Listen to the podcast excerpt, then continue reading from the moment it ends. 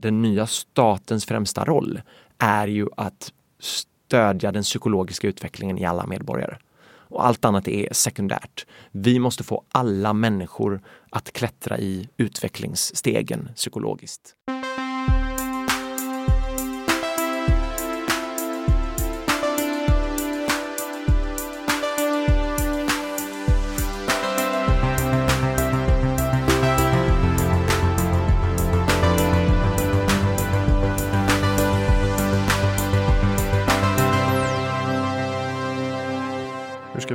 Bygga framtidens smarta organisationer och system om vi inte kan förstå oss själva och känna oss starka som individer. Det kanske är personlig utveckling själva nyckeln till samhällets utveckling. För om vi ska förändra världen och forma framtiden behöver vi förstå oss själva och hur vi bäst samarbetar med varandra. Om detta och mycket annat ska vi prata i dagens avsnitt av Heja Framtiden. Jag skulle passa på att tacka Helio där vi sitter nu och spelar in i deras poddstudio på GT30, Kulturgatan 30 i Stockholm. Helio har eh, ett antal olika coworkingplatser runt om i Stockholmsområdet. Där man kan hyra kontorsplats, ordna events och eh, gå på spännande seminarier. Kolla in helioworks.se. Warp Institute samarbetar vi med. De driver Facebookgruppen Sveriges mest optimistiska Facebookgrupp. Och där är jag ibland inne och postar positiva nyheter om framsteg och framtid. Tillsammans kan vi ju eh, försöka starta en positiv framtidsrörelse där. Vi vill också passa på att flagga för vår hemsida som heter hejaframtiden.se där all information om den här podden finns. Och där du kan få tips om vår Patreon. Du kan eh, dela länkar på sociala medier vilket underlättar arbetet. Och du kan bli sponsor om du har ett varumärke som vill förknippas med en framtidskontext som är ljus och positiv. Och det vill man ju. Så dra ett mejl och eh, så ett möte och så hittar vi ett långsiktigt och fruktigt samarbete. Välkommen till Heja Framtiden podden där jag, Christian von Essen, träffar spännande människor och försöker få dem att säga spännande saker. Bra. Välkomna.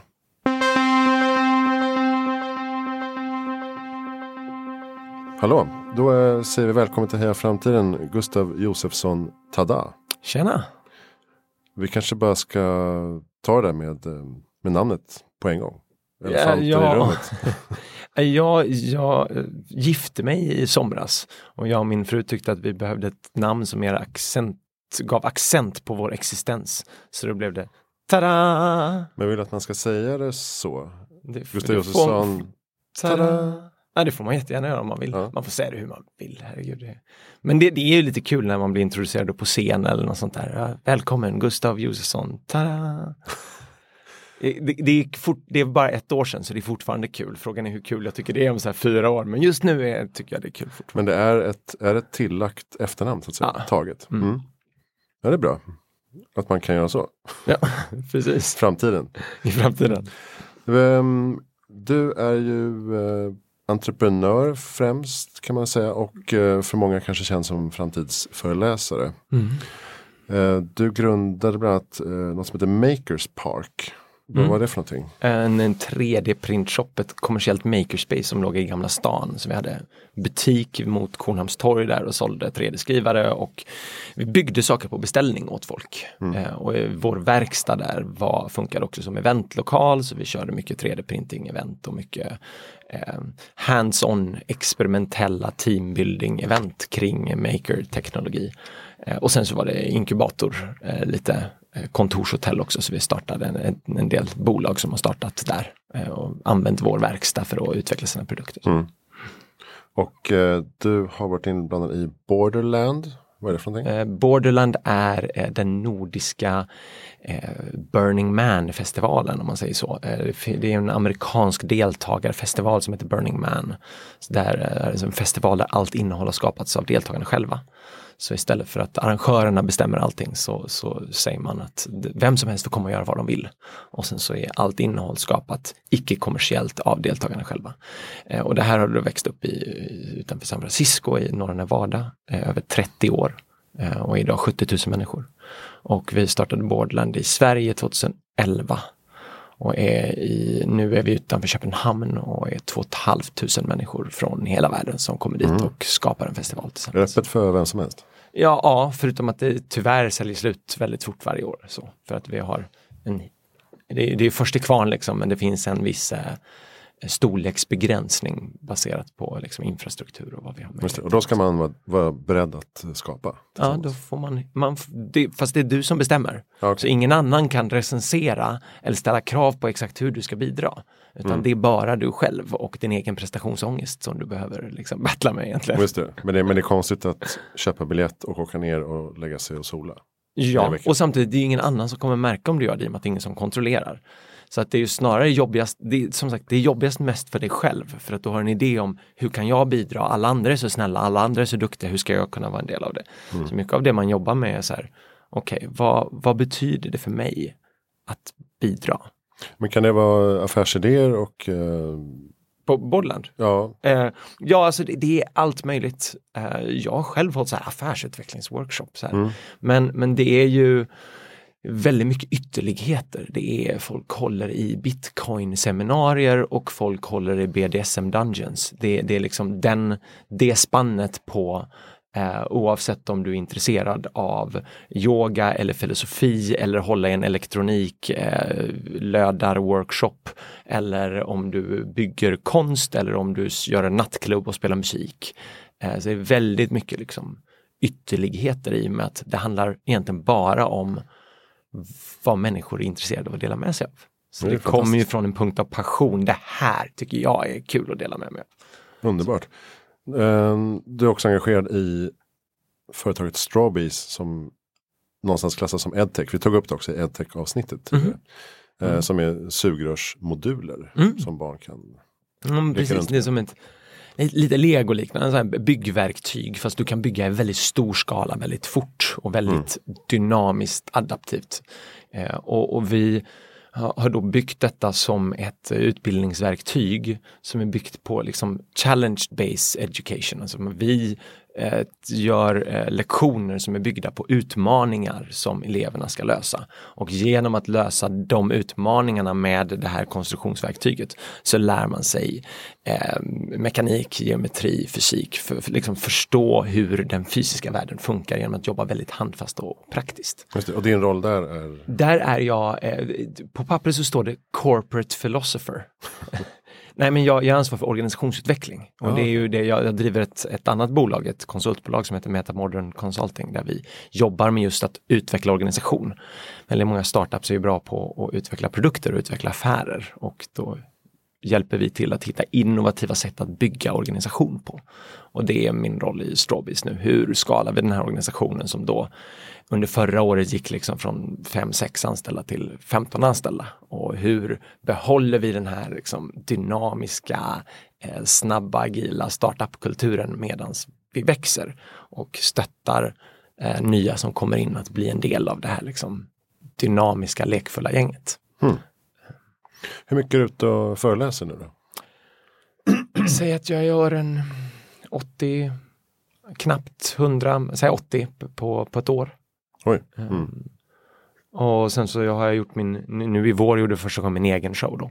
Eh, på Södra Teatern. Det, framtidsvarieté. Ja, i framtiden bär alla tights. En, eh, en framtidsvarieté som blandar de stora framtidsidéerna som jag brukar, eh, brukar presentera fast i ett mer lekfullt eh, underhållningsformat. Så att det blir mer tillgängligt så att det inte bara är företag som tar in de tankarna utan att det blir mer för alla. Mm. Det kanske vi får se mer av då så småningom. Mm. Mm. Um, men, men uh, om vi tar uh, din resa dit då. Du har, uh, du har ju en, en story om, om din första dator så att säga. Där du mm. inser kraften i den och jämför med kraften idag och ser mm. vad som har hänt på den korta tid. Um, men hur skulle du säga att ditt liksom, det här framtidsintresset eller förändringsintresset kom till?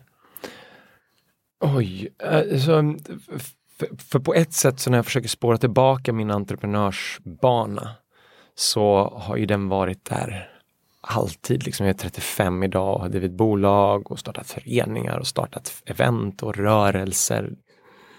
Men um, jag var väl 10, 12 kanske jag var när jag startade min första rollspelsförening. Mm. Sverok rollspelsförening. Och, och det, det, var ju entreprenörskap också, att säga på, på skolan när man är mellanstadiet, när man är 12 liksom och säga att nu ska vi, vi ska söka statliga bidrag för att driva verksamhet här. Liksom.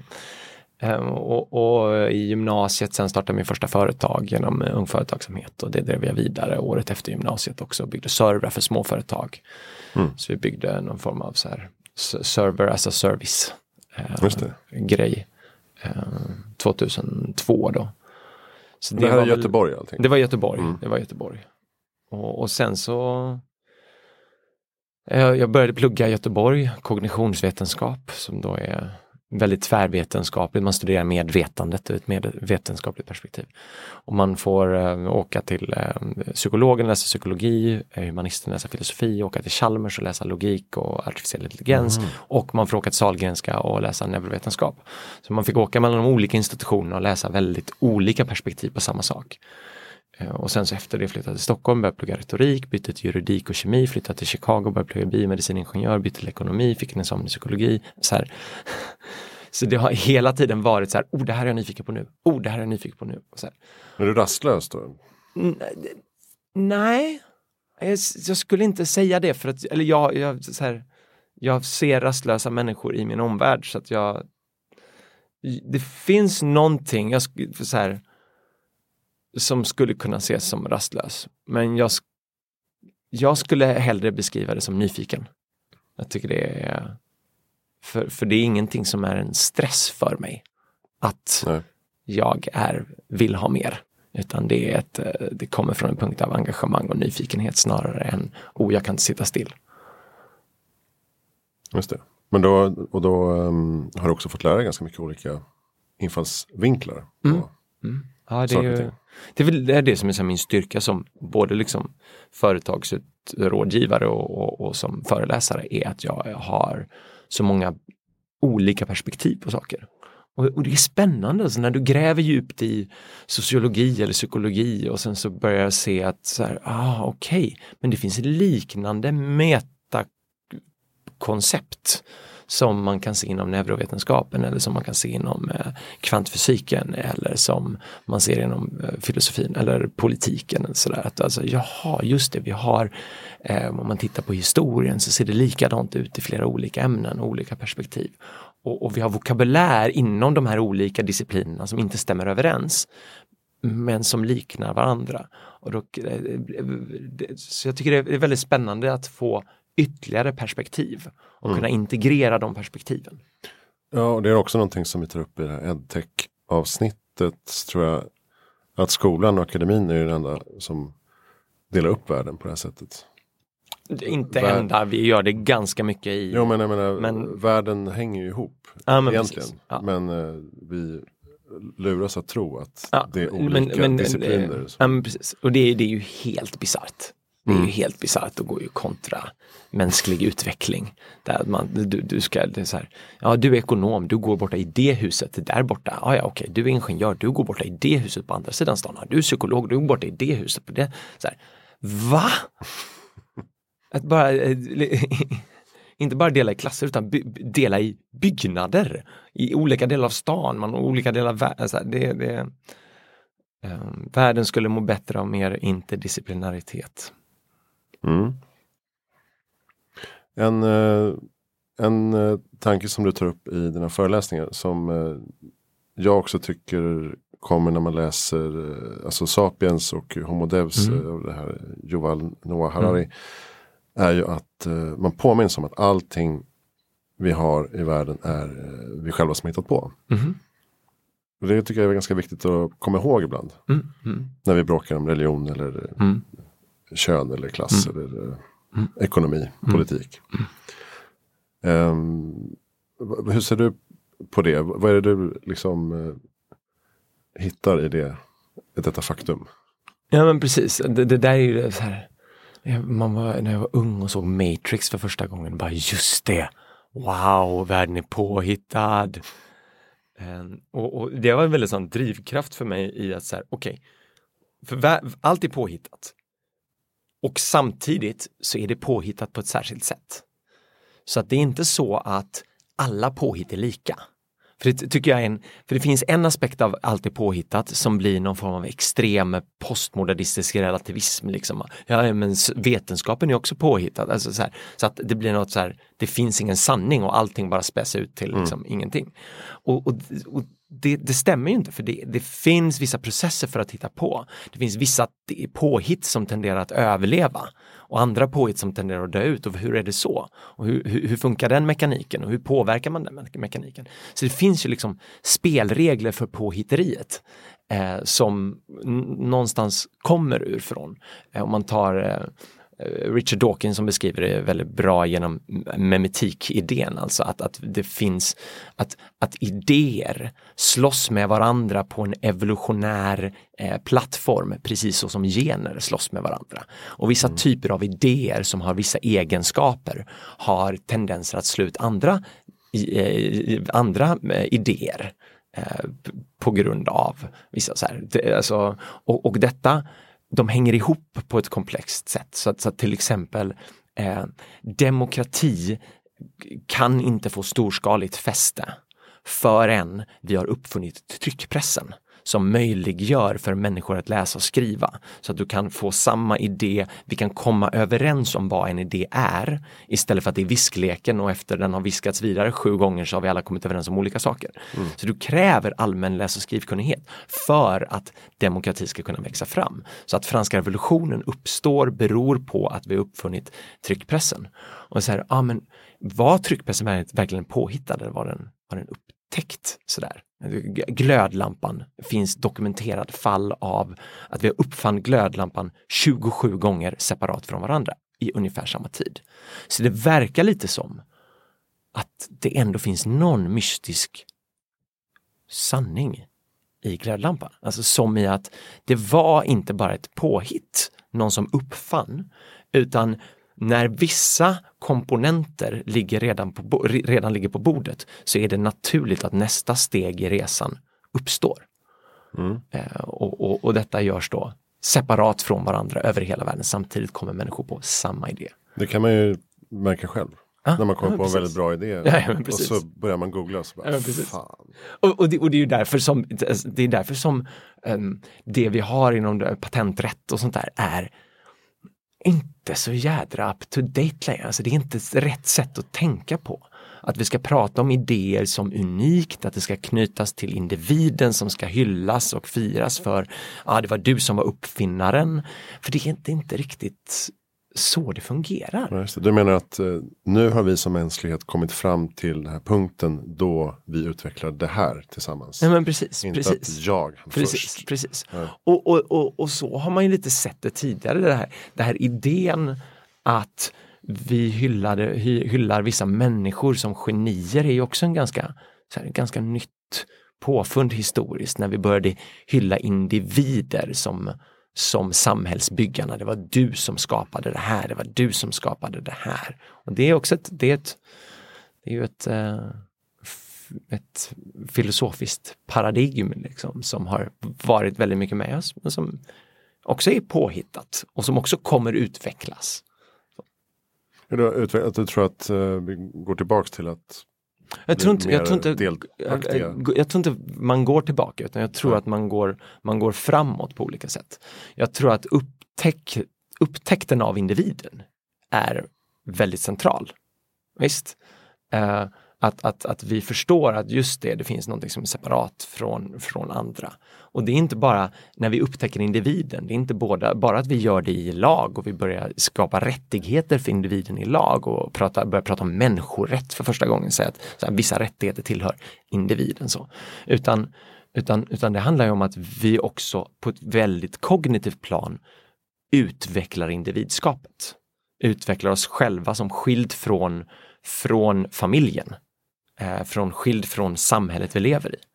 Och, och det har vi gjort på en, en, stor skala på ganska kort tid. Där vi ser den primära komponenten i mitt liv är jag, inte min familj och min släkt.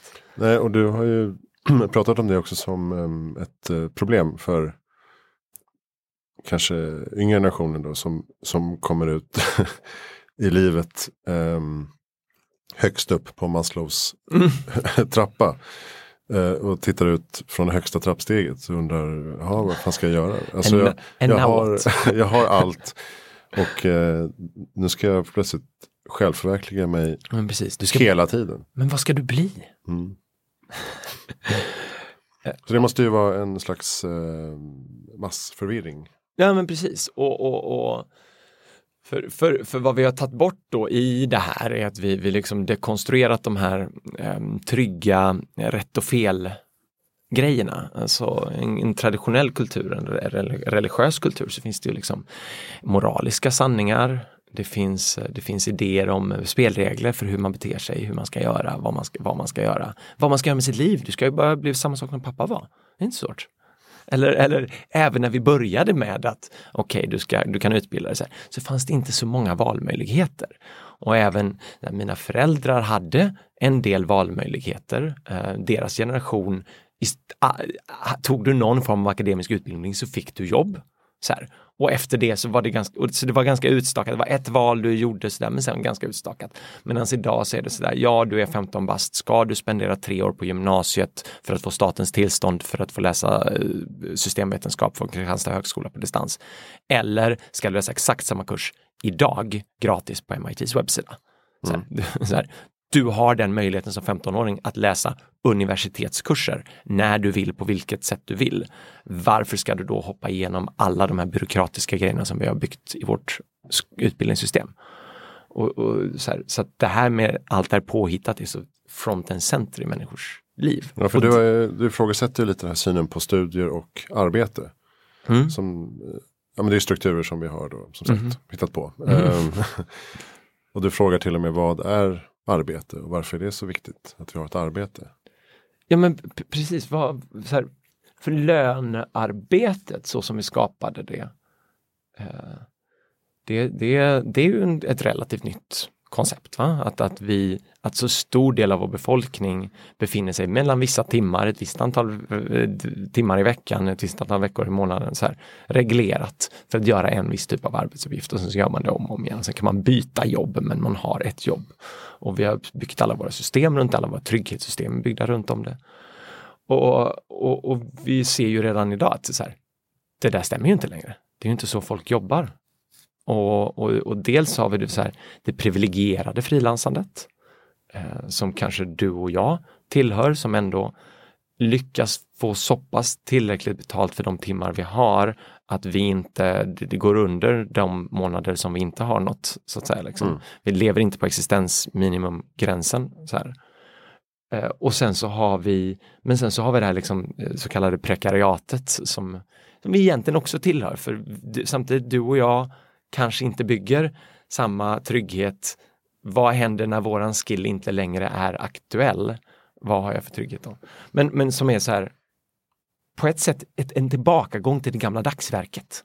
Du vet när, när gubbarna eh, linade upp utanför stängslet till hamnen och det stod en förman och säger du får jobba idag, du får jobba idag och du får jobba idag. Ni andra kan gå hem och ses imorgon. Så här, där, där har vi kommit tillbaka, det är ju vad Uber är, det är ju vad, vad, vad Foodora, vad hela liksom... Eh, och så står du och hänger och väntar. Nej, du står och hänger på låset och hoppas att mm. du vet inte förrän samma, du vet inte förrän nu om jag har ett jobb eller inte. Och du kan inte, du, och du, du organiserar det inte. Och ingen bryr sig om din organisering också. Det, det är ganska centralt för att, för att vad som är ju eh, både eh, facket och Svenskt Näringsliv står ju för arbetspers arbetsperspektivet, arbetarperspektivet. Mm. Att du ska ha en anställning, det ska ske på de här villkoren. Så, där.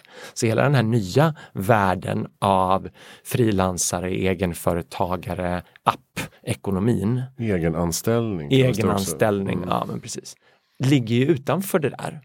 Och i och med att det hotar de som facket står för, så tar inte facket deras parti. Och det blir fler och fler i den bubblan. Så vi har idag liksom ett fack som egentligen strävar efter att säkra de här gamla fasta anställningarna. som vi får färre och färre av. Medan den här nya massan av människor som lever utanför systemet genom appar och genom frilansande eh, inte har någon som för deras talan. Unionen jobbar mycket med eh, plattformsekonomin. Mm. Eller att eh, bygga regelverk kring mm. och samarbeta med andra och, och, utländska och, och, och det görs. Det är flera fack som tittar på detta och pratar om detta. Till den grad att det inte går i konflikt med de fasta anställningarna de står för. Mm. Så, att, så här, det, det, det, är det, det, tar steg men aldrig får det ifrågasätta den andra, den, deras grundpelare. Eller så försöker man skruva så att det ser ut som en fast anställning ändå. Ja, men, det, ja, men, men precis, men det kan man göra. Men, men det är också när, när um, för, för, för, jag ser ett, ett problem som, som är, är ju liksom den här inlåsningsekonomin eller inlåsningsproblemet att folk sitter fast i sin anställning för att du har den här tryggheten som är om att du har varit här länge men som jag byter jobb, då hamnar jag längst ner på listan och då kommer jag då åka ut i nästan i, i prekariatet. Och eh, facket har en tendens att skydda dem som sitter, kanske suttit lite för länge på sitt jobb, som kanske inte ens trivs med sitt jobb, men som inte vågar ta steget ut i att försöka testa något nytt. För att skillnaden i trygghetssystemen är så radikal. Ja, för att man har eh, lån på flera miljoner. Ja, fast det har ju de som är ute i appekonomin också. men så, så, att, så att det, det, finns liksom en, en fundamental um, vad säger, intressekonflikt mellan facket och deras tidigare generation medlemmar och den nya eh, klassen av, man kallar dem arbetare, som inte spelar inför, innanför LAS-reglerna så att säga. Men ser du att man kommer att utforma framtidens organisationer mer utifrån eh, tillfälliga behov och eh, korta eh, kontrakt? Men, och... Det är inte, vi pratat om framtidens organisationer, det här har vi redan gjort. Mm. Alltså, det, är bara det. Det, det, det, är det som är grejen. Vi behöver inte prata om framtiden. Vi pratar om hur ser det ut idag? Alltså, jag, jag brukar dra det här exemplet. Så här, när du idag under en socialdemokratisk regering går in i den socialdemokratiskt styrda riksdagen och sen så går du ner i riksdagens källare till deras IT-kontor och så får du support för då det är du som eh, socialdemokratisk riksdagsledamot har problem med din dator. Så får du support av IT-supporten där. Då är personen som möter dig där eh, egenanställd. Vet bara en dag i taget om de ska jobba och emellan sitter ett bolag som har gjort upphandlingen som då har fått kontraktet och det företaget i sin tur har inga egna anställda utan har alla sina anställda genom en, en appekonomi, inte riktigt, men, men mm. genom att alla får göra sitt eget företagande genom ett sånt här halvföretag. Så. Så, så inom riksdagens väggar i den av den socialdemokratiska styrda eh, riksdagen liksom, så eh, har vi avskaffat LAS. Mm. så, så, så, där har ju redan hänt och det har hänt överallt. Och, och sen kan vi hålla på och bråka om den här jädra lagen men marknaden skiter ju egentligen i lagen för att den är mycket snabbare på att hitta nya konstruktioner.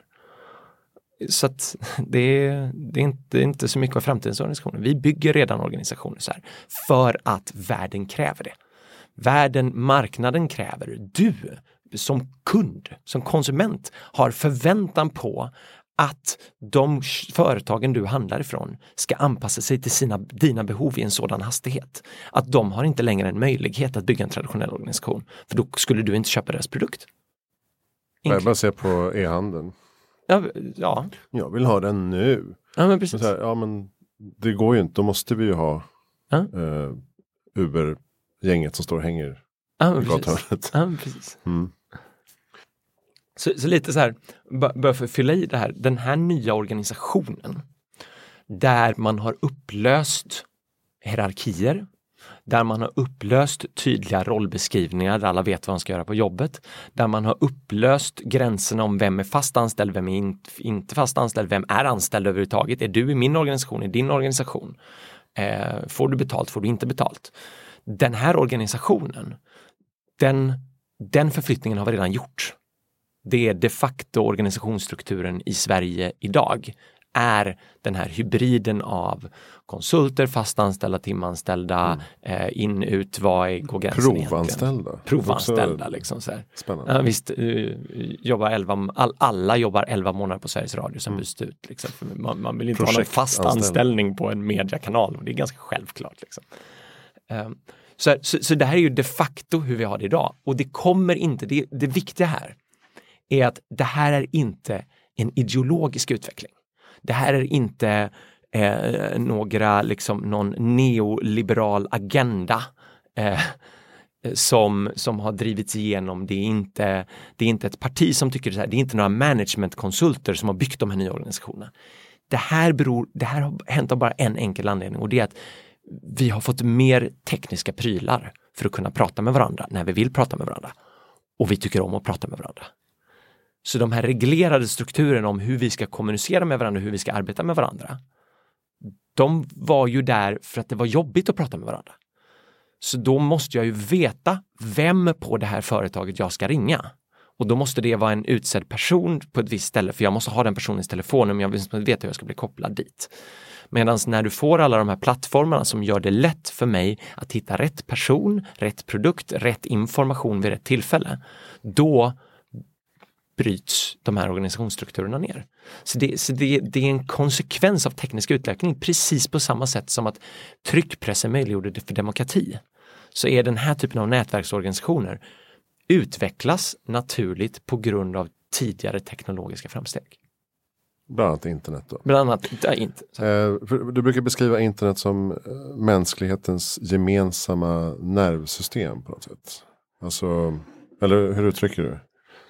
Eh, min, min lilla sån här anekdot, poetiska anekdot som jag brukar dra i min föreläsning är ju att jag tänker på det som um, men de första encelliga organismerna som låg i det stora svarta världshavet. De klumpade ihop sig för att forma flercelliga organismer.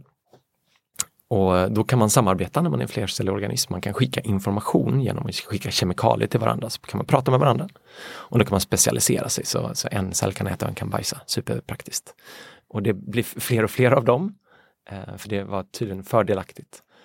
Och, men vid någon punkt så, så blir det liksom en storleksgräns där för vi måste bli effektivare på att kommunicera och då är det några celler som upptäckte elektricitet. De upptäckte att det är mycket snabbare att kommunicera och samordna vad alla ska göra om man använder elektricitet istället för bara släppa små kem kemikalier. Och eh, det var de första eh, nervcellerna. Liksom. Och de, det var tydligen så populärt så det blev fler och fler av dem. Och det skapas ett helt centralt nervsystem och hela den här liksom klumpen som vi tror att vi är idag är eh, de här cellerna som upptäckte elektricitet. Och då påstår jag att vi är på samma resa, att vi också började lukta på varandra och känna kemikalier så att säga. Men sen så, och sen så hittar vi vibrationer som har varit grunden för att skicka information från en till annan genom, genom ljud då. Men så nu har vi även upptäckt elektricitet. Och hur mycket snabbare det är att, in, att skicka information från en cell till en annan i den här organismen genom att skicka elektriska impulser. Och, och det här nätet som vi bygger upp emellan oss är inget mindre än mänsklighetens centrala nervsystem. Och det på ett, på ett väldigt faktiskt sätt ändrar vår uppfattning av att existera. Att ändrar känslan av att vara ett jag. För att, för att dina, eh, dina tankar spänner över så, så mycket större geografiska avstånd och tidsavstånd genom att hela tiden vara inkopplad. Så upplevelsen av att vara jag blir väldigt annorlunda när du växer in i det här digitala nervsystemet. Och vad det gör är att vi blir lite mindre de här ensamma, ensamma encelliga organismerna och vi blir lite mer en mänsklighet eller ett globalt medvetande. Fint. Ja. Och å andra sidan så här, det har vi också alltid varit. Alltså vi har alltid varit på ett väldigt faktiskt sätt sammankopplade.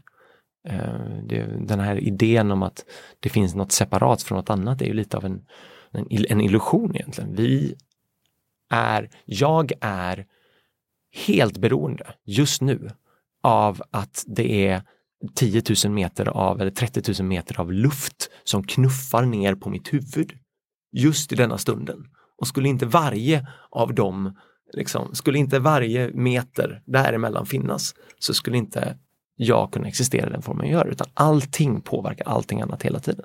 Så det är ett väldigt faktiskt sätt. Vad vi har gjort är bara effektiviserat. Vi har fått informationen att kunna flöda snabbare och då blir känslan av separation mindre och mindre över tid. Och hur, och hur kommer detta att eh, uh, påverka oss i framtiden? Då, tror du? Alltså, det är så svårt att prata om, om framtiden. Och, och, så här, och, och på någon typ av längre sikt. För att så fort man börjar titta lite längre då är det så här, vi har inte uppfunnit vokabuläret än för att beskriva de fenomen som kommer att vara de mest dominerande. Alltså vi, vi, vi har inte kommit dit i utveckling av språket, för en del av det här är att vi hela tiden utvecklar språket. Alltså, det, det, vi har ju bara i, idag ett ganska dominerande paradigm är ju liksom systemtänk. Att vi kan prata om eh, systematiskt förtryck till exempel som är väldigt eh, så här, inom eh, vänster eh, sättet att se världen, att kunna liksom klassificera olika typer av förtryck och se de system som är så här. Och de kan vi ju se på ett väldigt faktiskt sätt idag och vi kan observera och vi kan prata om och titta så här, det här finns idag. Och det kunde vi inte för, alltså, för 50 eller 100 år sedan, så här, det beroende på vilka. Så här. Utan det är, det är, liksom, det är en ganska ny utvecklat tankesätt som idag är ganska självklart för oss att vi kan se systematiskt förtryck och alla pratar om det hela tiden. Men det är ju att, att, att komma till den insikten bara, shit, man kan tänka så här. Så, så att, att prata om framtiden är så här, ja vi kommer ha nya metaramverk för att analysera världen som är så annorlunda från det vi har idag att det inte ens är, det, det är svårt att prata om. Mm. Och, ja, ja, så här, det beror också på vad säger vi som sikt. Liksom. Det, är, det är ganska lätt att prata om fem år. Det är svårare att prata om tio år, 20 år börjar det bli väldigt, väldigt svårt. Så. Men det är populärt. Ja, det, det, är väldigt, det är väldigt inne att prata om framtiden. Så liksom. Ja, man kan bara, det, det, man kan bara killgissa liksom. Mm. Uh, och så, ja, för det handlar, framtidsföreläsande handlar om är ju liksom berätta attraktiva historier. Mm. Och det är ju egentligen vad alltså mänsklighetens utveckling handlar om också. Så här, att, att vi berättar attraktiva historier som gör det lättare för oss att förhålla oss till vår värld. Det är, det är ju vad det här eh, systemtänket är till exempel. Mm. Så här, att kunna analysera världen på ett visst sätt så man, man skapar mer insikt och jag upplever att jag förstår bättre. Det gör vi genom historieberättande. Och, och om det är någonting som jag gör när jag föreläser är ju att försöka uppdatera uppdatera berättelserna om vår värld. Vi är liksom fortfarande, vi får ju lära oss historien i eh, låg och mellanstadiet, får vi lära oss, låg och mellanstadiet, alltså, grundskolan, får vi lära oss jordens historia, Sveriges historia. Men när skrevs den historien? Eh, så här, eh, det är väl, eh, men Alexander Bard drar det exemplet att, så här, att ja men vi har fortfarande, vi pratar fortfarande om att det finns stenålder, järnålder, bron, äh, bronsålder, järnålder. Och det är så här, stenåldern järnåldern, den, den fanns ju inte. Det var inte så att man på järnåldern sa att ah, fan, brons det ser där ute nu, det är, nu är det järn som är det nya. Liksom. Utan de är ju påhittade vid ett annat tillfälle när arkeologer tittade på fynd och sa här ser det ut som att det är mer brons, här ser det ut som att det är mer järn. Och då kan man fråga sig, när hittades det på? Att det fanns stenålder, bronsålder, järnålder? Men det hittades ju på i industrialismens vagga, Tyskland, Danmark under industrialismen när hela världen var ganska upptagen med att vilka material är det vi använder och hur använder vi dem? Så att se utifrån vilka grundämnen och vad bygger vi våra grejer med? Det är en industrialistisk syn som är 200 år gammal. Och fortfarande i lågstadiet idag så lär vi ut till våra barn en, ett sätt att se på världen som är 200 år gammalt. För det där med sten och järn och brons, det är inte så jävla viktigt idag. Man skulle kunna säga eh, vad heter det, eh, man skulle kunna säga eh, den, den muntliga åldern, den skriftliga åldern, eh, tryckpressåldern, massmediaåldern och internetåldern istället. Mm. Det är mer produktiva verktyg för att se på mänsklig utveckling. Men vi lär fortfarande ut de gamla industriella verktygen, så att säga. Att analysera vår värld. Just det. det är en uppdatering av sättet som vi pratar om vår värld. Som gör att det blir lättare för oss att förstå vad det är som händer. Plaståldern. Plast, men precis, och det är inte så intressant att säga att vi är i plaståldern idag, eller vad skulle vi säga att vi är, vi är elektronikåldern idag? Ja, men det kanske är lite, men, men det är inte så produktivt egentligen att titta utifrån material längre. Och vi, så vi behöver förstå vår historia utifrån informationsflöden, för vi lever i en informationsålder nu och därför behöver vi förstå vår historia utifrån informationsflöden snarare utifrån materialval. Mm. Och det är en bra poäng. Och du, du efter, efterlyser också ett, ett mer filosofiskt eh, synsätt. För att förstå världen och hur den kommer att utvecklas i framtiden. Ett mer, ja, ja efterlyser jag det. Um, det kommer ju av sig själv. Alltså, nu har vi ju suttit här och pratat i 45 minuter och liksom 90% av det har vi, är ju typ filosofi. Mm. Det är ju det vi pratar om. Mm. Det är ju, det är ju det, det, är svårt att prata om det här allt är påhittat, prata om världen om du inte har lite undersökt dina egna grundläggande antaganden om världen. Vad är de? Vad är, vad är dina absolut mest grundläggande antaganden som du gör för att analysera din värld? Och det är ju filosofi. Och innan du har liksom gjort upp med dem för dig själv blir det svårt att prata om så här, okej, okay, vad, är, vad är vettigt att tänka politiskt? Vad är vettigt att tänka hur, hur, vad har vi för relation till vetenskap? Vad har vi för relation till religion? Vad har vi för relation till allt det här liksom? Om du inte vet vad är det vad, vad, vad är det jag antar? Vad är det jag har hittat på mm. för mig själv? Så att säga. Och där kommer också mening in då mm. kanske? Ja men precis, alltså jag, för, för, om vi ska ta det här med arbete så är ju en utmaning om vi ser automationen tar över fler och fler av jobben och att du ska, du ska arbeta. Och, och då, så här, hur ska vi hantera att automationen tar över våra jobb? Och, och då dels så är det många som föreslår liksom både, både Musk och Zuckerberg och Bill Gates och, och gänget eh, föreslår liksom att man ska ha någon typ av basinkomst eller medborgarlön. Och det tror jag kommer hända, det är bara en fråga om tid liksom som föreläsaren Indy Joe här sa, han, han säger att det, det, it's one crisis away. Mm. vi, vi, kommer inte införa det såvida det inte blir ett litet spektakel, så det behöver bli ett spektakel, men sen kommer det komma någon form av, just det, okej, okay, vi kan inte bygga våra, säkerhets, våra trygghetssystem på arbete i en värld när vi har skrotat arbete som grundrelation till världen. Liksom. Eh, så, så då behöver vi något annat. Men då kommer ju den andra utmaningen, det är hur ska jag hitta mening i vårt liv? För vi har ju under de senaste upp, århundraden blivit upp, upplärda att mening i liv hittar du genom ditt arbete, genom att göra ett hedligt yrke, arbetarstoltheten, som sen övergick i eh, framgångssagorna. Liksom. Du skaffar mening i livet genom att vara framgångsrik lille vän. Alltså så här, att du ska lyckas med saker som är en extrem liksom, dead end.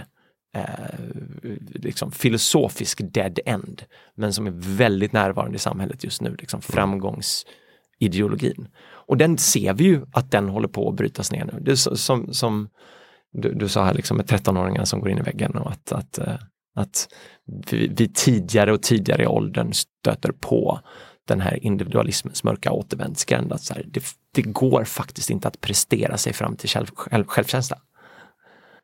Ja, så, så, så, så där är den större utmaningen, så här, okej, okay, när det här arbetarsamhället bryts ner och vi får ett nytt samhälle, vad kommer vara de nya grundkomponenterna som, som gör att vi, vi känner mening och att vi, vi skapar mening? Och där eh, tror väl jag på någon form av liksom så här en positiv eller en eh, positiv nihilism. Alltså att det finns ingen mening, eh, så därför kan vi hitta på en själva. Mm. Wow, vad häftigt! Tänk att vi får möjligheten att hitta på vår egen mening. Att det är något frigörande.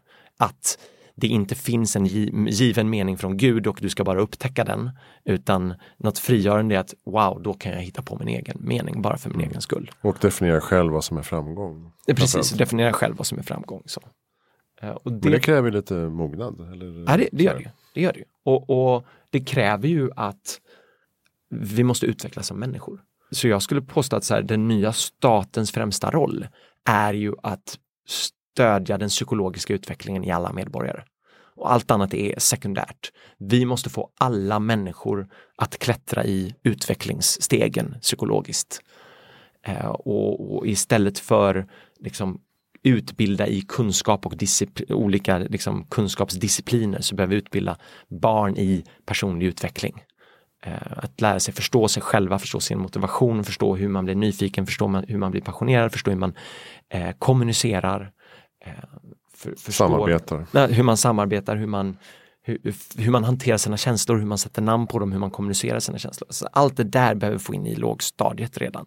Plus att alla stora bolag behöver idag skifta från kompetensutveckling till personlig utveckling. Och det ser vi också, det här är inte någonting som är i framtidens organisation, det här händer redan. De främsta organisationerna i världen idag har skiftat tanken från, från kompetensutveckling till personlig utveckling. För de inser att den typen av färdigheter som vi efterfrågar hos medarbetare idag är inte du måste kunna C++. Det är du måste vara passionerad, ansvarsfull, modig. Du måste kunna våga misslyckas. Våga misslyckas, hur utbildar man det? Det är inte kompetensutveckling. Det är ju att, att, en, en, en, att bygga självkänsla. Mm. Jag satt, satt och gjorde en sån här intervju ganska många år sedan, 2011 eller 12 med Carl Fredrik Sammeli som grundade Prime. Mm. Och han pratade om, om här, en, en, central idé som de haft från början när de startade den eh, byrån, då, liksom, kommunikations, och kommunikationsbyrån, var att du ska vara här för din egen skull, du är alltid fri att gå, du är alltid välkommen att komma tillbaka.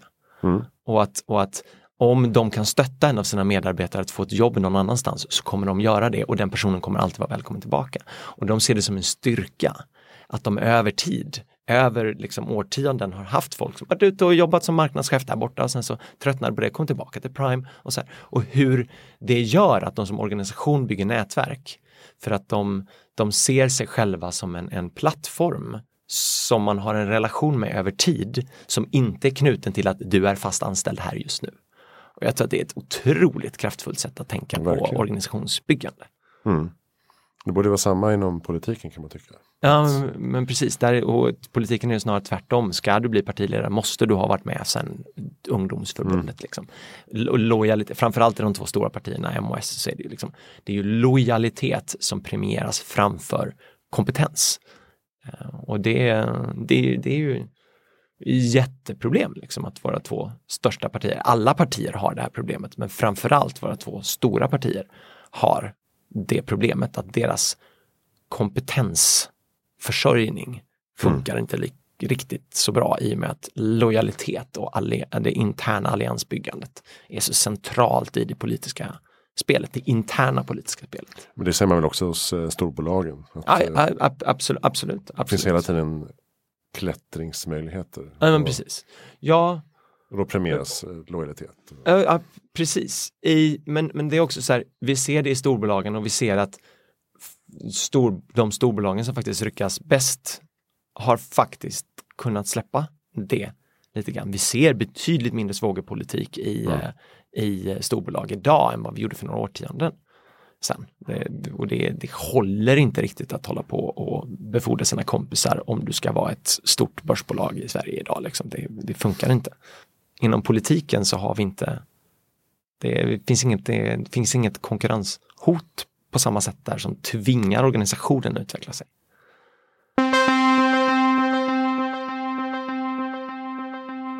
Jag tänkte på din eh, föreställning där, i framtiden bär alla tights. Vill du avslöja varför alla bär tights? Min gissning är att det handlar om att vi alla blir någon slags superhjältar. Ja, nej, men den, den, är bra, att vi blir superhjältar. Nej, alltså så här var det. Jag, jag skapade föreställningen för att jag tyckte det lät coolt att labba tights och eh, sen så, men jag, den klassiska framtidsspanargrejen.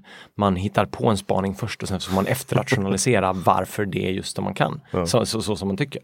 Och, ehm, så min efterrationalisering var ju sen att eh, så här, ja men det går ju fortare nu för tiden, liksom, fortare och fortare och det kommer gå så himla fort i framtiden. Allt kommer gå så förbannat fort. Att för att vi ska kunna hänga med så måste vi minimera vårt luftmotstånd. Mm. Så det handlar helt enkelt om det, liksom, att det går fort i framtiden så vi måste bara kunna vara smidiga. Liksom. Men det, det är ju superhjälteperspektivet. Sen så upptäckte jag ju då liksom att eh, stod bara för tre veckor sedan i Financial Times så var det en, en studie där det visade sig att 2017 så såldes det fler tights i USA än jeans. Wow. Så att vi pratar inte om framtiden, det är redan idag så bär alla tights. Alltså att, att jeansens hemland eh, USA har tightsförsäljningen gått över jeansförsäljningen. Det är, det är ganska, så att, så att eh, det, det, det händer. Redan. Kan du checka av så att du hade rätt? Yes, yes. Som fu rätt. futurist. Ja, precis. Så här, folk går tillbaka på, ja ah, men jag, jag förutsåg ju redan internet eh, och sociala medier på 90-talet. ja, jag förutsåg ju redan tightsen. Ja, precis. Du hade, inte, det hade inte du koll på. Men just det här att um, bygga berättelser om vår tid som gör att man kan få en bättre förståelse för framtiden. Och så mm. De, eh, där ligger ju också underhållning och humor kanske nära till hands då. Ja men precis. Hur ser du på det? Alltså, tycker du att det är ett effektivt verktyg för att få folk att uh, fatta lite vad som händer? Humor och underhållning, ja det, det tror jag absolut. Alltså, jag, konst, kultur har ju alltid varit drivande i samhällsutvecklingen. Det är ju, konstens roll är ju att vara eh, ko kommentera på samtiden och att förutsäga framtiden. Så att sammankopplingen är för mig väldigt, väldigt naturlig. Att man använder sig av det. Men och, och ett, ett, ett, ett, ett intressant exempel på just det här, i koppling till just komedi och underhållning är ju eh, de här eh, The Daily Show, eh, Stephen Colbert, Jon Stewart, eh, John Oliver. Mm. Uh, att det är idag i USA de främsta nyhetsshowerna. Det gjordes en studie, för, det är några år sedan nu, som jämförde en timmas eh, nyhetsprogrammering, eller vad säger en programming, ny, nyhetsprogram på de stora konventionella eh, nyhetsnätverken, mm. eh, kanalerna, mot en timma program med eh, John Stewart. Och satir helt enkelt. Eh, satir. Och, eh, och, studien kom fram till att det fanns mer faktabaserat nyhetsinnehåll i en timma John Stewart än i en timma på någon av de andra stora verkliga nyhetskanalerna. Så att om man tittar på sånt där, det är väldigt faktatungt. Ja, man kan tänka sig att de är väldigt, väldigt försiktiga med att dra ja. till med saker. Mm. Och så att, så att, så att det, det är vad, vad de liksom har pekat på är, det finns, en, det finns ett, ett så lite modernistiskt paradigm som är att eh, allvarliga saker ska se allvarliga ut. Alltså, är du chef så ska du ha skjorta och slips på dig. Är du präst så ska du vara klädd i svart. Alltså det finns ett gammalt sånt, eh, från början så här, väldigt traditionalistiskt konservativt perspektiv som ligger väldigt mycket i i, eh, i, i gamla organisationer, ser man det. Eh, och, och som var när eh, media kom till, massmedia kom till, eh, kopierade det här. Och att så att vi nyhetsuppläsare ska vara klädda på ett visst sätt. Medans är du, pratar du sport kan du vara lite friare. Pratar du underhållning så kan du vara ännu friare. Så, så, så, att du, du, du ska se ut så som du, så som du, som ditt innehåll. Mm. Liksom. Och den tror inte jag stämmer längre. Alltså jag, jag tror att det där är, eh, den använder man på grund av eh, en appeal to authority. Du använder dig alltså eh, auktoritetssymboler för att folk, få folk att lyssna på ditt budskap. Men allt eftersom befolkningen ökar sin psykologiska utveckling så får vi bättre insikt i att se igenom statussymboler och då behövs de inte längre, de är inte lika kraftfulla längre. Och därför så kan du använda dig av andra eh, verktyg och fortfarande få folk att respektera ditt innehåll. Jag kan 2018 i Sverige gå upp på en scen inför ett företag och prata med deras anställda om organisationsutveckling, om affärsutveckling och hur de ska driva sitt bolag och vara iklädd tights och fortfarande anses vara kompetent. För att vi är så pass smarta så att vi, går inte, vi fattar numera att vilka byxor du har på dig faktiskt inte avgör om dina idéer är bra eller inte. Det är en väldigt välkommen utveckling. det är en välkommen utveckling. Liksom. Apropå hittepå då. Ja men apropå. Eh, så att, och, och, och det, det, där är en, så här, inte i framtiden, det här har redan hänt. Det här händer redan och händer i större skala. Mm. Och en, en uh, annan välkommen aspekt av det här insikten av att allt är påhittat är ju att vi faktiskt kan hitta på vad vi vill också mm. i framtiden. Ja. Vi kan bygga nya organisationer, system, ja, men precis. Och, och, och, och allting som är som de är är för att vi tillsammans har hittat på att det ska vara så här. Liksom. Mm. Och, och igen utan att komma in i fällan. För den här, jag hade en, en eh, fantastisk eh, kväll hemma i min gamla lägenhet i Göteborg för tio år sedan och eh, under kvällen så skrev jag på, eh, på en stor tavla jag hade i, min, i mitt kök så skrev jag allt är påhittat min stora insikt för kvällen. Och eh, detta eh, skickade jag vidare sen till, till Navid Modiri som eh, jag berättade för honom, har du fattat att allt är påhittat? Och han gjorde ju en turné och eh, lanserade hashtaggen allt är påhittat och har pratat ganska mycket om att allt är påhittat. Så han snodde din idé? Nej, han, nej, nej, man kan inte sno idéer. Nej, men precis. Nej, men precis. Eh, så och så i förra veckan så, så kom jag, någon eh, delar en, en, eh, en meme på nätet som är fakta inkorrekt. Eh, som förde fram en åsikt som jag fortfarande håller med om, men jag blir skitförbannad på att man sprider saker som är fel. Och, och får tillbaka, skriver så här, du det här stämmer inte så här. Och får tillbaka ett svar så här, Jo, jag, jag, förstår att det inte är sant. Jag, jag fattar att det inte är sant, men jag gillar poängen ändå.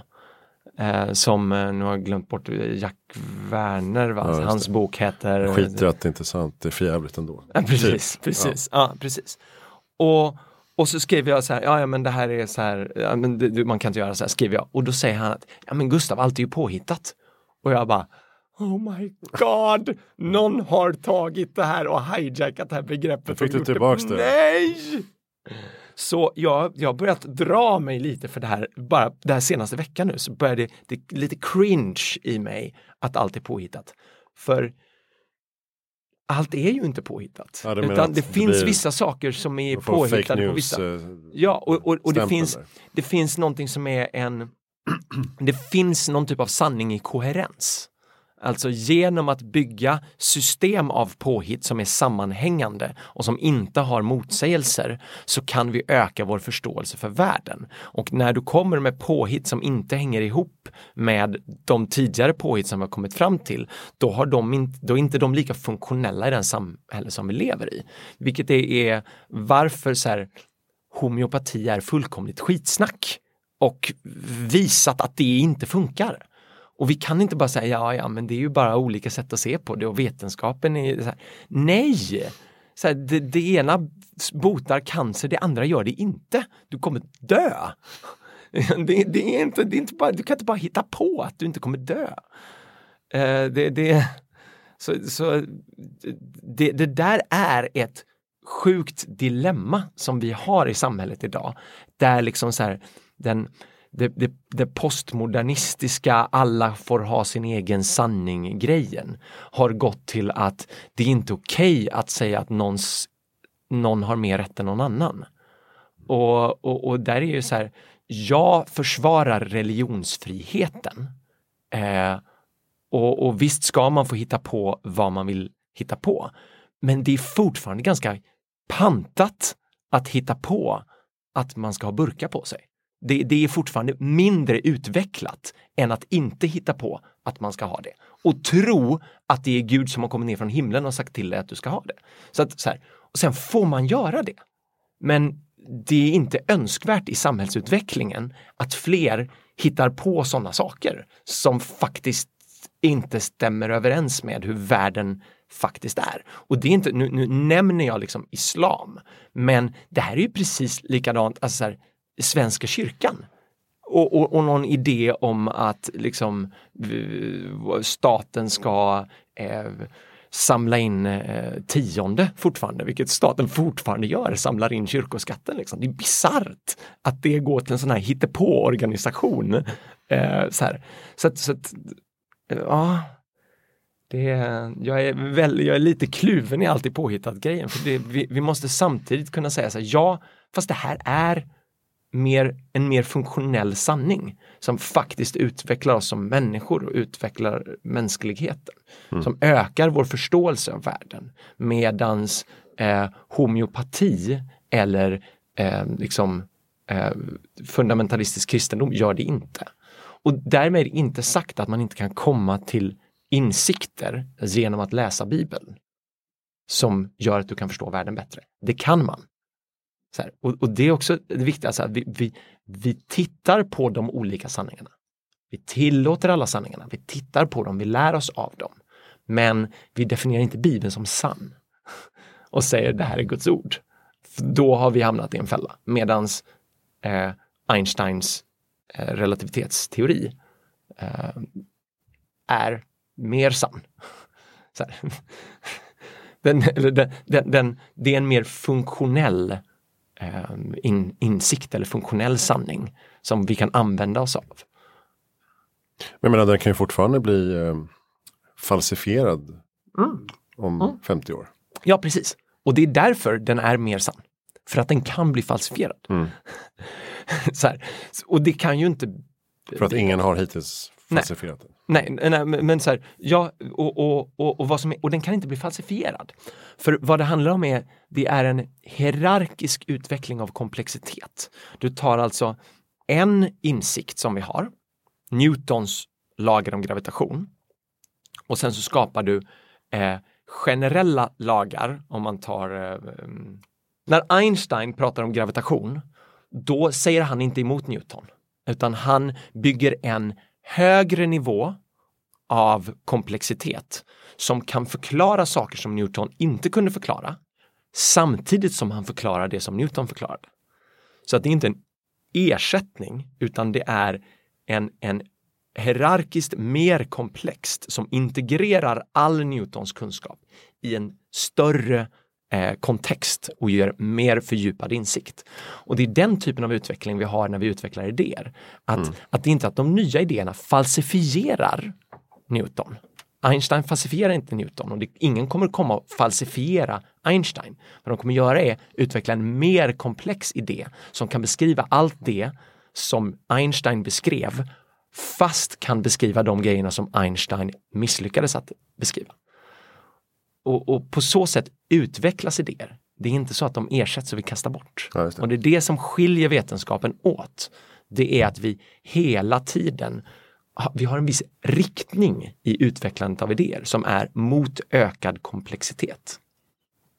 Ja, det är väl samma med teknikutvecklingen? Ja, men alltså... precis. Det är samma teknikutveckling. Och det är samma sak om vi tittar i de mjuka humanistiska ämnena. Att, att vi, vi skapar nya modeller i hur vi analyserar vårt samhälle inom sociologi, inom psykologi. Eh, som gör att vi kan, vi kan förklara det som, eh, som Marx skrev om och vi kan lägga till nya perspektiv på det. Vi kan förklara det som Freud skrev om och vi ser fler perspektiv för vi har kommit till fler insikter. Vi kan se vad han hade fel, vi kan se vad han hade rätt. Sådär. Så vi, inom de akademiska disciplinerna så jobbar vi ju hela tiden på att komma till nästa, vi, vi, det finns en riktning i liksom, kunskapsutvecklingen. Mm. Hur är din, eh, din personliga syn på framtiden då? Är du eh, utopist? Alltså det där. Men, um, det, det, det, det, här, är framtiden positiv eller negativ? Det är ju inte, det är ju, det är ju inte framtiden som är, det är ju, det är ju jag som är. Mm. Eh, jag gillar att vara positiv. Jag tycker att det är ett eh, ganska produktivt fram, fram förhållningssätt att vara eh, positiv realist. Liksom. Eh, fokusera på möjligheter och vad vi kan skapa. Samtidigt som ha, vara väldigt realistisk i vilka förväntningar vi kan ha om vad som kommer hända och sådär. Och det, det tycker jag är det är någonting man tränar på genom att utveckla sin analytiska förmåga, skapa eh, högre insikt i hur saker verkligen fungerar och samtidigt utveckla sig själv för att, ehm, för att kunna eh, vara positiv, för att kunna hantera sina känslor på ett mer produktivt sätt, för att eh, kunna känna sig tacksam inför det liv vi faktiskt får chansen att leva. Och Så om, om du gör de två samtidigt, du utvecklar dig själv så att du mår bättre i din egen relation till dig själv och du utvecklar din kunskap om världen. Ja, men då hamnar du i en positiv realism i din relation till framtiden. Men det har inte så mycket att göra med framtiden själv utan det handlar om dig och hur du tar ansvar för din bild av framtiden. Mm. Bra. Kommer vi att eh, kunna bygga en mer en värld som är mer samarbetsbenägen? Alltså, ja, men det är ju det vi gör hela tiden. Det är det vi gör hela tiden. Alltså, det, det, det, det här är ju bara eh, jag tycker oftast när man um, när det säger, när det, för att titta på osäkerhet kring framtiden så tycker jag att det lättaste sättet att göra är bara skala upp lite i vilket perspektiv vi tittar på. Mm. Och om det pratas om så här, ja ah, men nu, ah, det är mycket bråk i världen nu, ja fast det är lite perspektiv så vi lever längre, vi dödar varandra mindre, vi har mindre krig. Liksom. Det, det, är, det är bättre bara du ger lite perspektiv. Det kan vara från år till år lite upp och ner men generellt vi krigar betydligt mindre nu än vad vi gjorde innan. Eh, eller ta det här, ja ah, men fake news, alla har sin egen sanning och sånt där. Ja, fast samtidigt så har vi aldrig haft en så enad bild av världen som vi har idag. Alltså aldrig har så många människor världen över eh, haft samma uppfattning om hur verkl världen verkligen ser ut. Sen så gör sociala medier att vi ser alla idioter som vi förut behövde inte ha att göra med. Men det är ju inte så att det är fler av dem. Utan den generella riktningen är ju att större procent av jordens befolkning har en mer enad världsbild av vad som faktiskt verkligen är sant. Och det är och på så sätt får lättare att samarbeta. Mm. Idag samarbetar fler människor runt om i jorden på en djupare grad av samarbete. Förtroendet för varandra globalt är högre än någonsin och det, det är den riktningen vi går åt generellt och det sker på grund av teknologi. Det är alltså teknologi möjliggör för oss att kommunicera bättre och djupare. Alltså ta en sån, vad det innebär för eh, globalt relationsbyggande att Skype kom att videosamtal kom till var och en som gör att jag kan få en mycket, här, den tysta kommunikationen som är svårt att få fram i text, att jag kan prata med någon på andra sidan världen och på ett djupare sätt förstå dem och hur många konflikter som det har förhindrat globalt i allt från en förälder som är ute och reser som kan få en bättre relation med sitt barn eller ett företag som arbetar globalt. Hur mycket, många eh, konflikter som det har förhindrat att vi har skapat eh, videokommunikation. Mm. Eller för, för, den delen hur, eh, ehm, hur bilderna som kom ur Vietnamkriget fick genomslag i fredsrörelsen i USA. Och hur centralt det var att man inte protesterade bara för sitt egna välbefinnande, för det har vi alltid gjort. Eller det har vi gjort ganska länge. Att folket reser upp och protesterar för vi blir utsatta för någonting. Mm. Men fatta att folk i USA faktiskt gick ut på gatorna för att protestera att det var synd om någon annan på andra sidan jorden. Det gjorde man inte för man fick ett bild på ett gråtande barn från andra sidan jorden och insåg att shit, de är ju som oss. Och det var liksom kameran som möjliggjorde det. Det var liksom video, att, att, att, de, att vi fick den globala liksom bildjournalistiken. Så återigen så här, teknologi som möjliggör för ett fördjupande av mänsklig empati, mänskliga mm. relationer. Så det, det är ju det, det hållet vi är på väg åt. Mm. Och då får man ta lite speedbumps i form av Ja, ja, allting går upp och ner. Allt går i högerpopulism och cykler. rasism och Ja, sådana saker. och allting går i cykler och vi, vi också pendlar ofta eh, fram och tillbaka. Så, sådär. Det, det finns en motreaktion. Sådär. Vi, vi, vi, det, så här, det händer, eh, ta, ta metoo till exempel, som då så här, blir en extrem motreaktion på ett underliggande liksom, missnöje som har funnits där vä- väldigt länge och som så många människor har känt att det här vågar inte jag prata om och därför känns sig väldigt ensamma i, i, i sig själva och i sin smärta. Och plötsligt får en chans att ta en megafon och skrika jag finns, jag är värd någonting, det här är viktigt. Och i det så kommer det såklart ske övertramp som, som gör att så här, att, att nu, nu eh, har man fått en plattform sådär, då, då, ska, då ska allting fram. Liksom. Och, och, och vad som händer är att det, det blir i viss mån kanske lite osakliga drev mot individer eh, som, eh, som inte är som har olika grader av skyldighet, som får bestraffning som kanske inte ligger i relation till det verkliga brottet, som inte får en eh, rättvis eh, rättegång. Men det är ju bara en naturlig konsekvens av att när någonting ligger uppdömt väldigt, uppdämt väldigt länge, så när det kommer ut så har det en tendens att slå över. Och sen kommer det pendla det tillbaka och då har du liksom Uppdrag granskning här liksom som då kanske går över gränsen åt andra hållet igen. så. Och då ligger den här pendlingen fram och tillbaka och vad det gör är att vi liksom balanserar ut mot någon form av riktning. Men riktningen framåt är ju en växelverkan med nu ramlar vi lite åt det här hållet, nu ramlar vi lite åt det andra hållet. Så där. Och det måste vara okej att vi gör övertrampen åt båda håll som en del av den gemensamma processen att ta sig, ta sig framåt. Det är rimligt. Du, ehm, har du något bra ehm, lästips? En bok som du kan rekommendera? Mm, då skulle jag, som, som lite, mm, ja, som faktiskt jag har i, i, i metaforer eh, uttryckt här idag. Eh, det finns en bok som heter The Listening Society av Hansi Freinacht som eh, är en uppdiktad tysk filosof som egentligen en- inte existerar. Eh, Men skall man uttrycka filosofi så måste man ju vara tysk man tydligen, så då har en sådan uppfunnits just för att kunna framställa den här boken.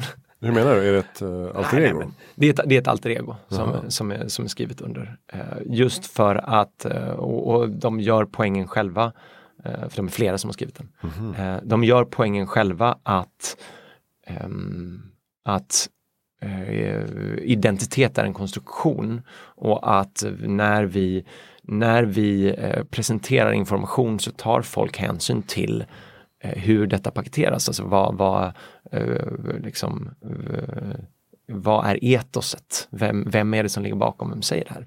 Så därför har de konstruerat en person som de anser vara lämpad för att uttrycka den här typen av tankar. Eh, istället för att försöka vara, vara sig själva och sagt att så här, och det här är en person som dessutom är mer extrem i sina åsikter. För att om man kan uttrycka en, en åsikt mer extremt så eh, blir det lättare att lyssna och det kan få mer genomslag. Och vi står egentligen inte för åsikterna som vi säger utan vi gör dem för att paketera dem på det här sättet. Jaha, för att få igång någon slags debatt? Ja men precis. Och då behöver man uttrycka sig lite starkare för att få tyngd i det. Och så, så, så blir det som en del av boken. Och, och det går igen i boken varför det här görs. så att säga. Ehm, och det handlar om liksom konstruktion av autenticitet. eh, Som, som vi gör hela tiden och här gör de det bara genom att säga att de gör det.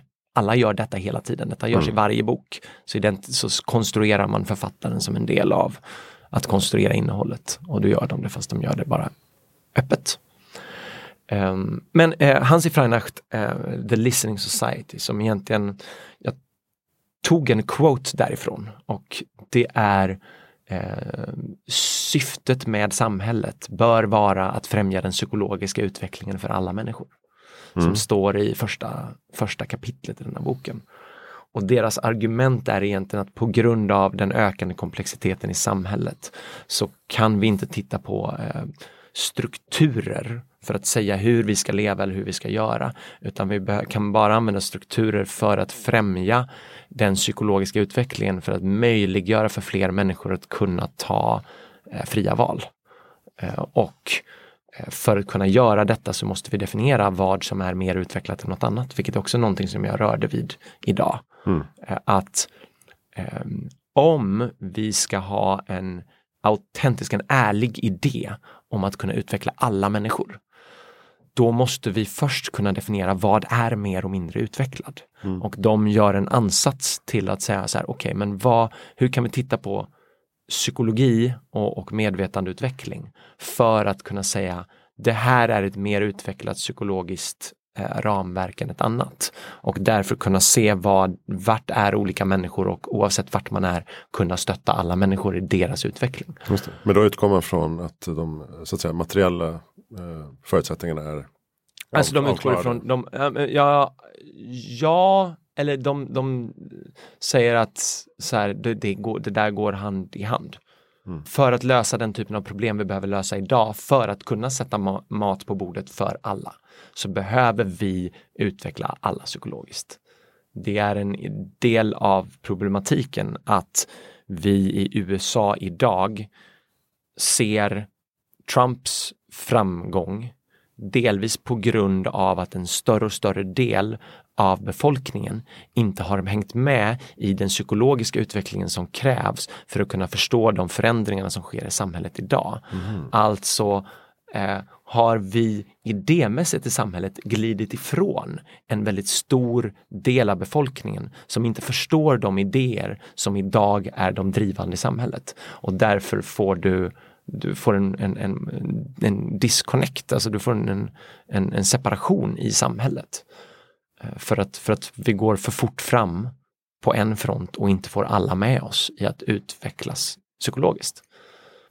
Så man måste börja angripa problemet från en annan mm. annat håll? Och, och, och, där är det liksom, vi behöver i förlängningen, mina, mina slutledningar av den här boken är ju dels vi behöver jobba med eh, personlig utveckling i skolan, dels vi behöver jobba personlig utveckling i våra, för, i våra arbetsplatser istället för kompetensutveckling. Mm. För, att, för att den typen av krav som samhället ställer på sina medborgare idag är inte längre du ska kunna ditt hantverk. Du ska göra ditt jobb. Det är, och det ser vi ju i varenda anställningsansökan, äh, vad heter eh, jobbannons som ligger ute idag är ja, men du ska vara driven och passionerad och ansvarsfull och kreativ och duktig på att kommunicera. Så här, det där är ju vad samhället på alla plan idag efterfrågar. Det Samtidigt som måste... det är en omöjlig ekvation för många. Ja, ja, ja men precis. Och, men, men, men vi stöttar ju inte folk i det. Vi stöttar ju inte folk i att utveckla det, utan det är snarare så här, men en konsekvens av att du gjorde ett grupparbete på universitetet eller i skolan så ska du ha som, som en sidoeffekt av det ska du ha blivit bra på att arbeta i ett team. Mm. det är inte så här att nu utbildar vi i, i, i mellanstadiet. Så här funkar det att arbeta i grupp.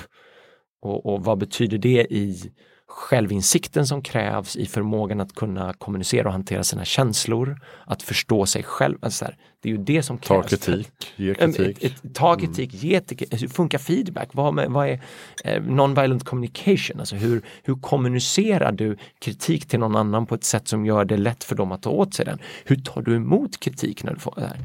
Precis. In i lågstadiet med det. Mm. Och, och, det blir en konsekvens av den insikten som uh, The Listening Society liksom presenterat. Så att på grund av komplexitet så behöver varje cell, varje komponent i samhället, varje individ behöver lyftas i sin psykologiska utveckling.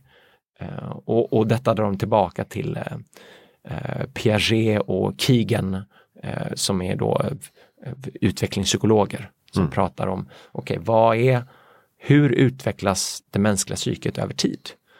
Och, och, det är ju för alla självklart att påstå att en 15-åring är mer utvecklad än en 5-åring. Men någonstans när vi fyller 20 så slutar det vara okej okay att säga att en människa är mer psykologiskt utvecklad än någon annan. Utan vi bara, ja, ja men nu är alla vuxna. Fast det stämmer ju inte, för vissa fortsätter utvecklas igenom livet och vissa slutar utvecklas. Och, och kan vi då peka på, ja men det här är utveckling. Och, och då, då, kan vi ju oavsett vem personen är kunna säga så okej okay, men du behöver de här verktygen för att må bättre, för att fungera bättre. Och prata om, eh, när vi pratar psykologi i, på samhällsnivå idag, så pratar vi bara utifrån ett patologiskt perspektiv. Att vi ska ta hand om de som är sjuka. Det finns liksom ingen agenda, ingen politik för hur ska vi stötta den psykologiska utvecklingen hos de som är friska. Så att vi kan få ett bättre och mer välfungerande samhälle för att vi har med bättre och mer välfungerande medborgare. Utan vi pratar om det som någonting som vi ska stoppa dåligt. Mm. Och vi måste skifta tanken kring psykisk hälsa till psykisk utveckling. Oavsett vart du är. Men jag såg, du tipsade någonstans också om hur man gör detta i praktiken, i vardagen. Mm. Att, att avsätta lite tid varje vecka till personlig utveckling på något sätt. Eller ja, men precis. Det, det fin, fin, finns ju massa sådana här. Det finns ju så mycket metoder, du ska bara bestämma att du börjar. Mm. Det, det, det, är lite så här. Det är inte så himla viktigt hur du jobbar med din personliga utveckling. Bara du gör det. Och du gör det hela tiden. Avsätt eh, timmar varje vecka. Gå på någon kurs då och då. Så här, det bara är att du inte slutar göra det. Sen så om du gör detta genom att du går på något liksom bara vara retreat eller om du åker på liksom eh, något McKinsey ledarskapsutbildning. Det spelar inte så stor roll åt vilket håll det är. Eller om du gör det genom att praktiskt testa och byta jobb. så här, hur känns det? Eller genom att du gör det genom hobby. Så här, men men okej, okay, en del av är, av utveckling är att se till att det inte är förkopplat till prestation. Så vad kan du skaffa dig för hobby där du utmanar dig själv? Du gör något som är svårt som du inte kan. Eh, men du gör det lekfullt bara för dig själv. Du installerar ditt eget hemautomatiseringssystem eller du börjar dreja. Alltså så här, mm. vad, hur kan du använda din fritid till saker som är inte bara är bekvämt, sitta hemma och kolla på Netflix, utan som är men det här är en liten utmaning. Jag kliver in i en ledarskapsroll i den lokala eh, fotbollsklubben och i det måste tvingas att utveckla mitt ledarskap. Så här, det, det, det, finns så många sätt att göra det och inget är rätt. Frågan är om du gör det eller inte. Mm. Vem tycker att vi ska intervjua i Heja Framtiden? Vem ska man intervjua i Heja Framtiden? Nej, men du kör svenska bara. Jag hade en... I framtiden kan det bli ja, engelska ja. också? Nej, jag, jag har en vän som är som heter Daniel Brooks som är han eh, bor här i Stockholm som är dansk som är eh, zen-munk för detta militär och eh, organisationsutvecklare och väldigt, väldigt eh, skarp på många sätt som, mm. som hade varit kul att ta. Eh, den andra personen jag tänker du ska prata med är eh, Fanny Norlin. Eh, jätteduktig organisationsutvecklare, jobbar eh, som organisationsutvecklingskonsult idag men har jobbat inom så här, bakgrund inom politiken och inom eh, också NGO-världen. Eh, bygga organisation och den nya typen av organisationer. Mm. Perfekt. Eh, tack snälla Gustav Josefsson. Tada! Tada! Tada! För att du kom hit. Jättekul att komma och snacka. Heja framtiden. Eh, och du nås på guff.se. Guff.se finns jag. Man kan följa mig på Facebook. Det finns inte så många som heter Tada, det är jag och min fru så att eh, där kan man följa mig på min sida där om man vill. Perfekt. Nu ska du få åka till eh, Kina i en månad. Ja, ska, vi ska dit på bröllopsresa slash lära oss mer om världen slash kanske starta ett företag på vägen. Vi får se. Perfekt, man vet aldrig vad man ramlar på. um, jag heter Christian von Essen och um, är tillbaka med något annat nästa gång. vi finns på hejaframtiden.se. Där hittar du alla avsnitt och uh, kan även logga in på Patreon och bidra med några kronor till oss. Dela gärna din uh, kärlek till Heja Framtiden med dina vänner så att eh, de också kan få möjlighet att bli lite bättre människor i framtiden. Tack för att du lyssnar.